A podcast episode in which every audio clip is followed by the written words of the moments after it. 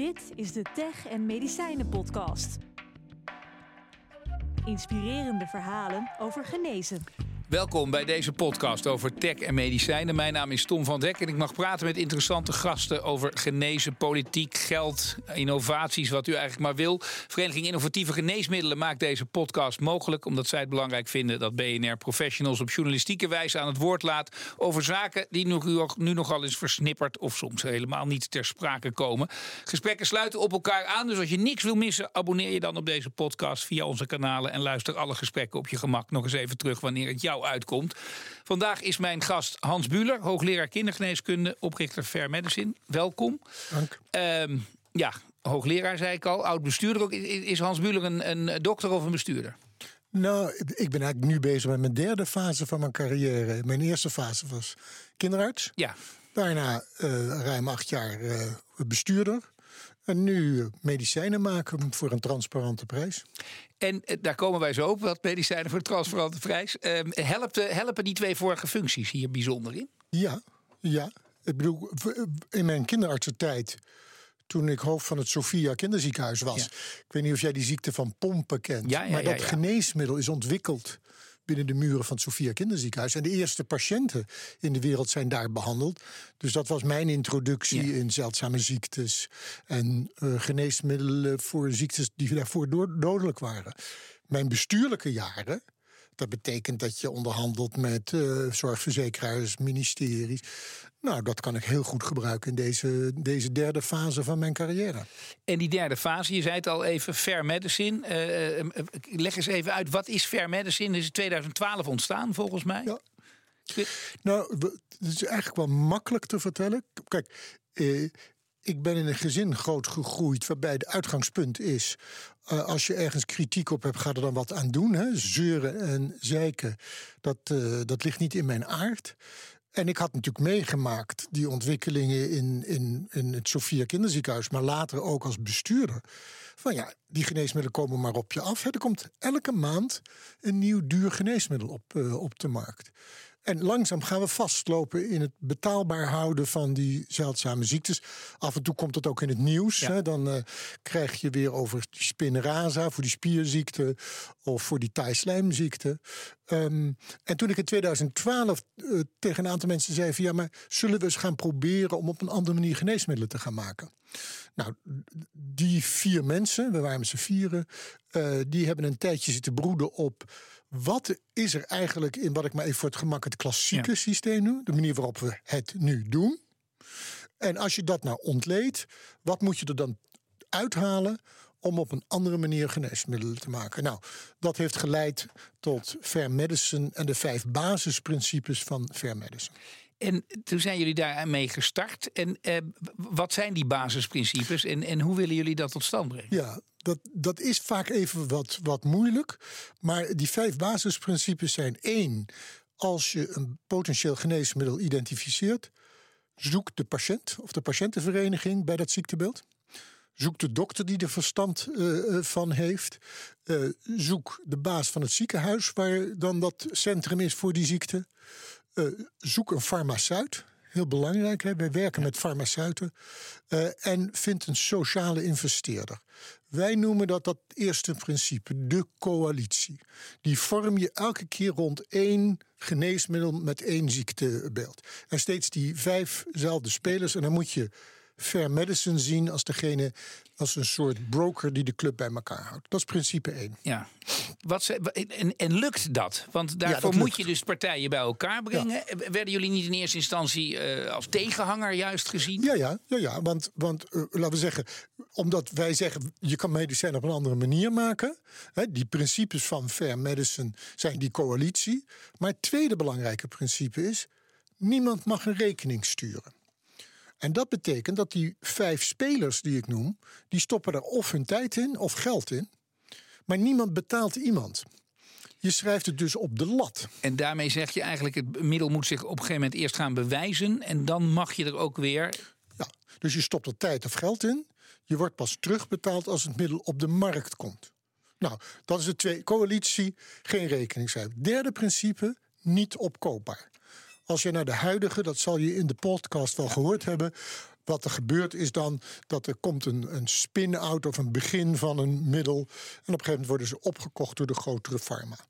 Ehm, dat mag niet bij Fair Als je aan tafel komt, mag je niet je aandeel verkopen aan nou, iemand anders, teruggeven aan de coalitie.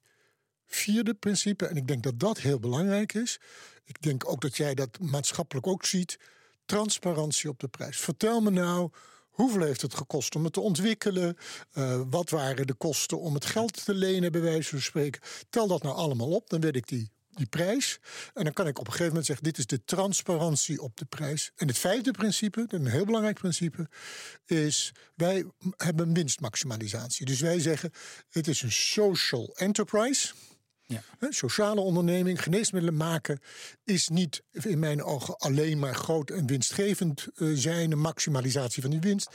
En de winst hebben wij gezegd, die is tussen de 8 en de 15 procent netto winst maximaal. Je hebt dus een kostprijs plus model.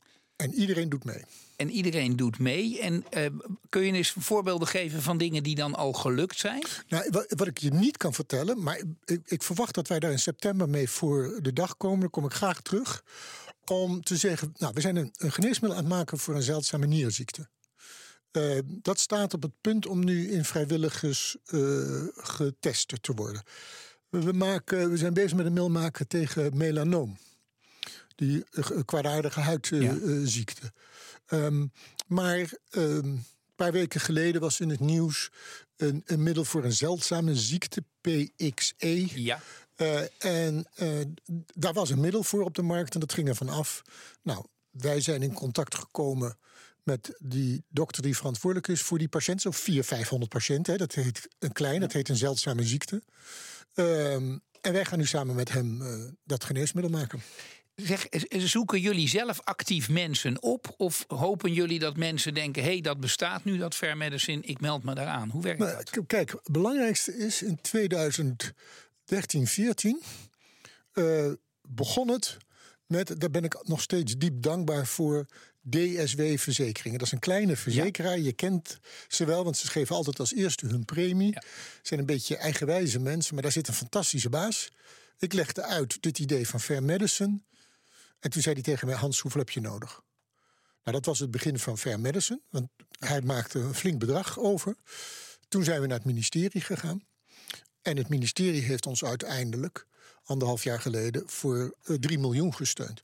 Nou, dan moet je realiseren, dan gaat het spel op de wagen. Want dan gaan mensen naar je kijken met van... hé, hey, aanvankelijk was het een leuk idee... maar waarom steunt VWS dit? Waarom is die zorgverzekeraar ingestapt? Dus heel langzaam worden wij bekender en bekender. En dan jouw vraag. Soms zijn het patiënten die bij ons komen, soms zijn het dokters die bij ons komen, uh, soms zijn het bazen van ziekenhuizen, uh, maar soms zijn het zelfs uh, farmaceuten. Want de farma zelf komt ook naar jullie toe? Of zeggen die van nee, wij ontwikkelen zelf wel door? Want we hadden bijvoorbeeld Guus van Dongen ook in deze podcast, een biochemicus, hoogleraar medische beeldvorming. En die zegt nee, dat medicijnontwikkelingen laten we dat nou vooral aan die jongens zelf overlaten. Want dat kunnen we uiteindelijk niet qua, qua dragen en investeringen. Maar ja, daarom is het goed om te benadrukken dat in die coalitie zit ook een farmaceut. Dus daar zit know-how, daar zit een heleboel kennis. Waarom zou je die. En dat gebeurt wel eens, hè, dat fair medicine gezien werd als een soort pharma-bashing. Maar dat zijn we helemaal niet. Wij willen samenwerken met farmabedrijven. Het enige is, als je met ons samenwerkt, dan onderschrijf je die transparantie op de prijs en accepteer je dat je winstmarge maximaal 15% eh, is. En gelukkig ja, inmiddels zijn vier bedrijven in Nederland, farmabedrijven in Nederland, bereid om met uh, Fair Medicine te werken. Dus niet de grote. Want ik denk van de hele grote pharma. Uh, die hebben zelf genoeg geld. Die hebben ook uh, een, een, een heel systeem. Maar dit is typisch wat dan heet midden- en kleinbedrijf, small medium enterprises. En die zeggen: hey, Fair Medicine, dit is fantastisch. Jij brengt de patiënt aan, je brengt het ziekenhuis aan, je brengt de dokter aan. Je zorgt zelfs voor wat eh, social investors, om, om de out-of-pocket kosten te betalen. hey, hier wil ik wel aan meedoen, ik hoef niet alles zelf te betalen. Um, nou zien we heel veel soorten instituten. We zien veel discussies. We zien veel mensen roepen: eh, bedrijf moet zelf. AMC is geloof ik zelf nu met iets aan het ontwikkelen. Valt dat nou allemaal binnen jullie potje? Of zit daar ook een soort versnippering in, in wat we met z'n allen aan het doen zijn? Nou, bijvoorbeeld dat initiatief uh, van het AMC, dat ken ik vrij uh, goed van dichtbij. Um, en dat, dat is gekomen, uh, eerlijk gezegd, omdat dat product, dat was in de markt voor die patiënten. Um, en dat product, dat kostte toen 400, 500 euro per patiënt per jaar. Nou, er is toen een dokter in Nijmegen geweest die zei van nou ik wil zeker weten dat het geregistreerd wordt, want dan weet ik ook zeker dat ik het aan mijn patiënten kan voorschrijven en dat er niet gekke dingen mee gebeuren. Um, en die heeft meegewerkt aan die registratie. Uh, samen met een farmaceutisch bedrijf. Ik heb toen die dokter nog aan de telefoon gehad en gezegd: zullen we uh, met Fair Medicine met jou meedoen? En toen zei hij: Nee, dat is niet nodig. Ik werk hartstikke goed met die mensen van dat farmabedrijf. Ze zijn ook betrouwbaar, die komen hier regelmatig. En wat de arme dokter in Nijmegen is gebeurd, die uh, heeft geholpen om dat geregistreerd te krijgen. Het bedrijf waarmee die werkte is uh, gefuseerd met een ander bedrijf. En dat middel, 500 uh, euro per patiënt, is toen op de markt gezet voor 220.000 euro. Nou, dat zijn de flagrante misbruik van de, van de mogelijkheden. En toen zei het AMC: ja. Dit is zo unfair, dan gaan we het zelf maken. Nou, dat wordt een spannende strijd. Want daar zitten allemaal juridische kanten aan. Maar emotioneel kunnen jij en ik onmiddellijk begrijpen van... hè? Van 500 naar 220.000. En jij en ik betalen het in onze premie. Hè? Vergeet even niet. Die 220.000 voor die patiënt die betaald wordt... die wel naar de toe gaat, naar de farmabedrijf toe gaat...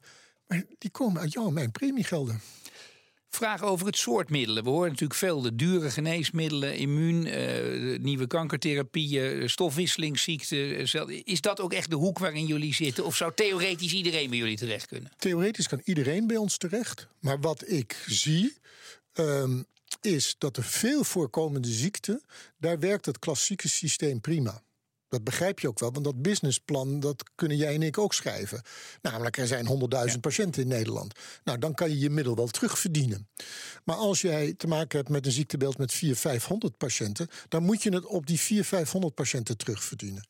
Nou, daar zijn die extreem hoge prijzen voor. En en dat is ook het veld waar wij het meest in, in begeven. Maar wij kijken bijvoorbeeld ook naar een, middel voor een vergrote prostaat. Uh, nou, daar zijn veel patiënten van. Wij denken dat daar een goed middel ontwikkeld kan worden. En dan is het dus weer kostprijs plus. Dat is het basisprincipe van fair medicine. Nou, uh, beperken ziektes zich niet tot onze landsgrenzen. Dus we kijken ook steeds meer in Europese verbanden. Zitten jullie ook in een Europees verband? Of is dit een uniek Nederlands iets?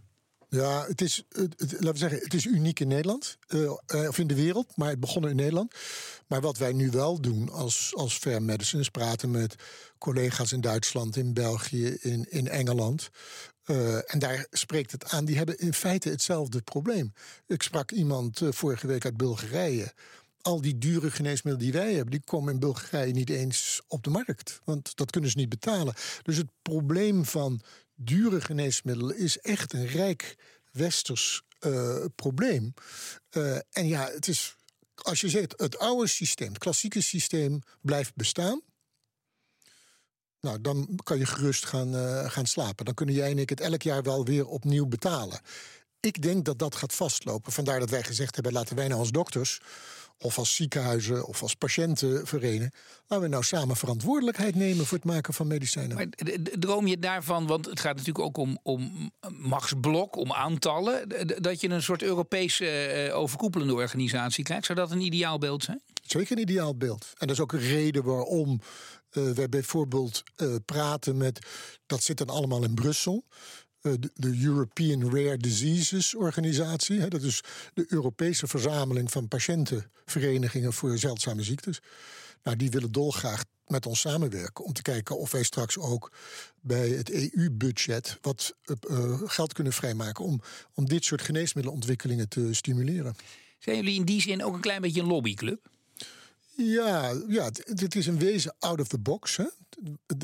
En wat ik grappig vind is dat farmabedrijven schuiven naar ons op. Hans, wij zien ook wel dat het niet meer houdbaar is, die dure geneesmiddelen. Uh, er zijn zelfs twee, drie mensen geweest van farmabedrijven die tegen mij zo onder vier ogen zeiden: Ja, op een verjaardagsfeestje vertel ik vooral niet dat ik farmaceut ben, want dan kan ik meteen twee uur mezelf verdedigen. Als die kunnen, eh, kunnen naar buiten kunnen komen met van nou, wij vinden dat fair medicine idee, een fair pricing Nou, dat, willen wij doen. Ja, dat is wat ik hoop als verandering dat gaat ontstaan.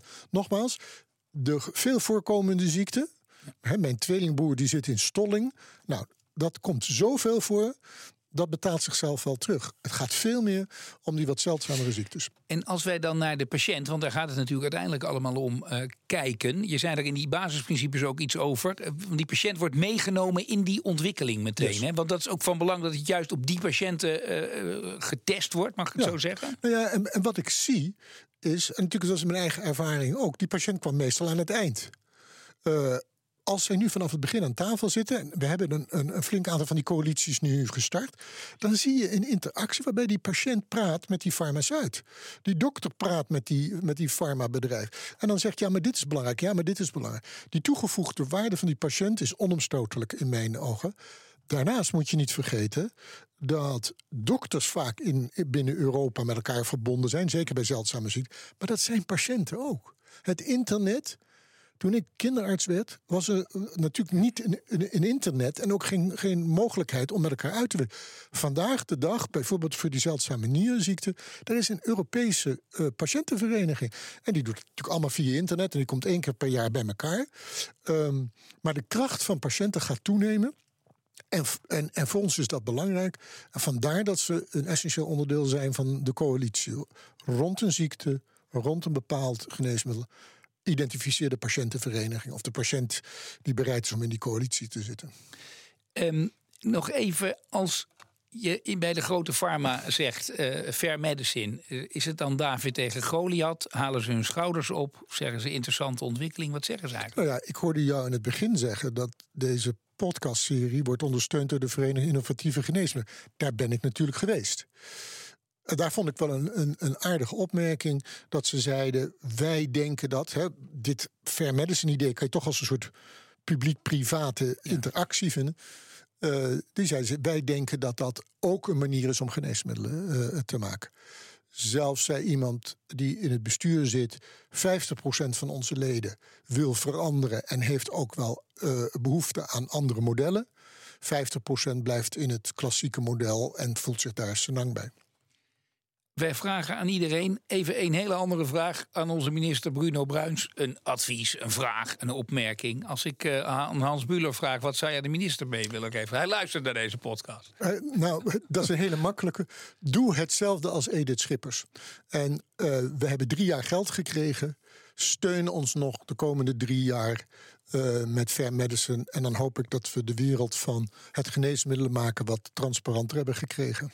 Want als je nou nog eens kijkt, bijvoorbeeld, eh, jullie zijn nu vijf, zes jaar bezig. Als je nou eens vijf, zes jaar verder kijkt, waar, waar hoop je dan te zijn? Een paar middelen, zoals je al zei, ja. daar kom je later op terug. Maar, maar, maar, waar hoop je, wat, wat hoop je dat er wezenlijk veranderd is? Dat, er, dat, uh, dat in wezen de verantwoordelijkheid van de patiënt, de dokter en het ziekenhuis dat die gegroeid is in, het, de verantwoordelijkheid nemen om geneesmiddelen te maken. Kijk, nu, dat, uh, dat heb jij als, als dokter ook gedaan, die geneesmiddelen komen naar je toe.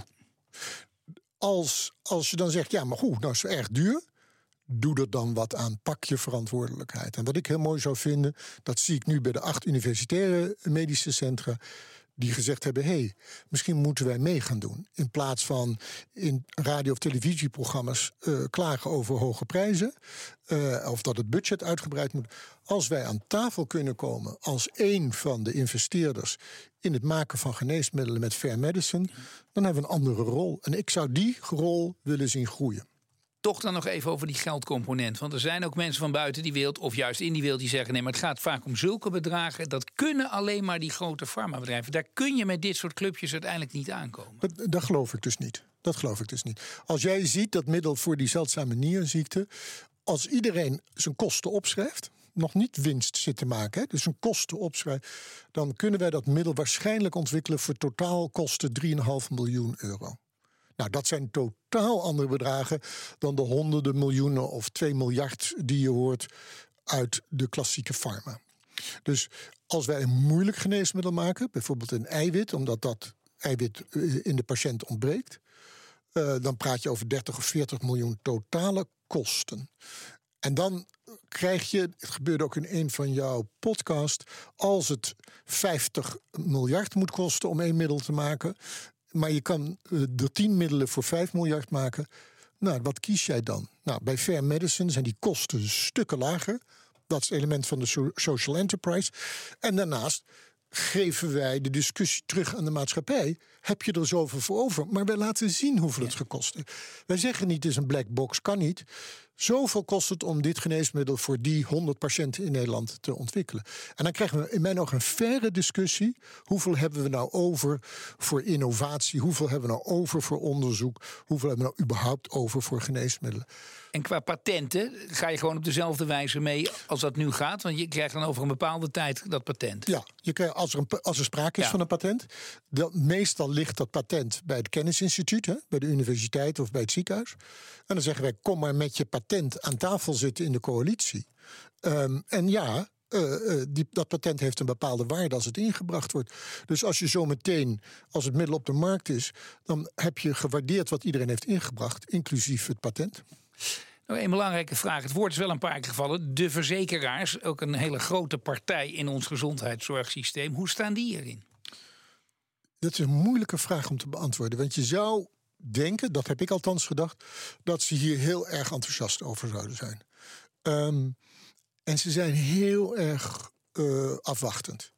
Dus ze zeggen, vinden het een goed idee. We zouden het graag willen. Hè. Vandaar dat ik zeg uh, uh, dat de stap van DSW heel belangrijk is. Want dat is één van de verzekeraars. Maar de grotere verzekeraars die zeggen, hartstikke goed idee. Vinden we ook dat moeten we. Maar laat eens zien of je een middel kan maken. Nou, dat gaat dan hopelijk dit jaar nog duidelijk worden. Um, ja, en dan vind ik dat ze mee moeten doen. waarom, waarom zouden verzekeraars zich niet verantwoordelijk voelen voor dure geneesmiddelen? Als je cynisch wil zijn, uh, Tom, dan kan je gewoon zeggen van ze berekenen toch wel door in de premie. Dus waarom zouden zij het probleem van de dure medicijnen als een verantwoordelijkheid nemen van uh, de zorgverzekeraars? Wat het nu is, is het is een probleem van de minister. Het is een probleem van de Tweede Kamer. En ik denk wel eens cynisch dat uh, verzekeraars liever dat probleem niet mede verantwoordelijk voor zijn. Vandaar dat ik ze graag wil uitdagen. Help Fair Medicine echt. Want het is ook in belang van de premiebetaler. En dat zijn jij en ik ook. En mijn laatste vraag is: de dokters, er doen er al een aantal mee. Merk je dat er steeds meer uh, jullie kant op willen, om het zo maar te zeggen? Ja, dat groeit hard. Dat groeit hard. En dat zijn mensen allemaal die anders in het, in, op een soort, soort tweesprong aankomen, hebben een potentieel geneesmiddel. Als ze de afslag nemen naar de klassieke pharma, dan krijgen ze het misschien over vijf, zes jaar terug als een duur geneesmiddel. En als ze op die tweesprong zeggen, nou laat ik het nou met fair medicine ontwikkelen. Ik blijf aan tafel zitten. Ik zie hoe het middel zich ontwikkelt. Ik help bij de testen van dat middel. En ik weet dat er een reële prijs wordt, uh, wordt berekend. En dat ik onderdeel ben van een oplossing van, het, uh, van de dure geneesmiddelen dat merk ik dat dokters steeds belangrijker vinden.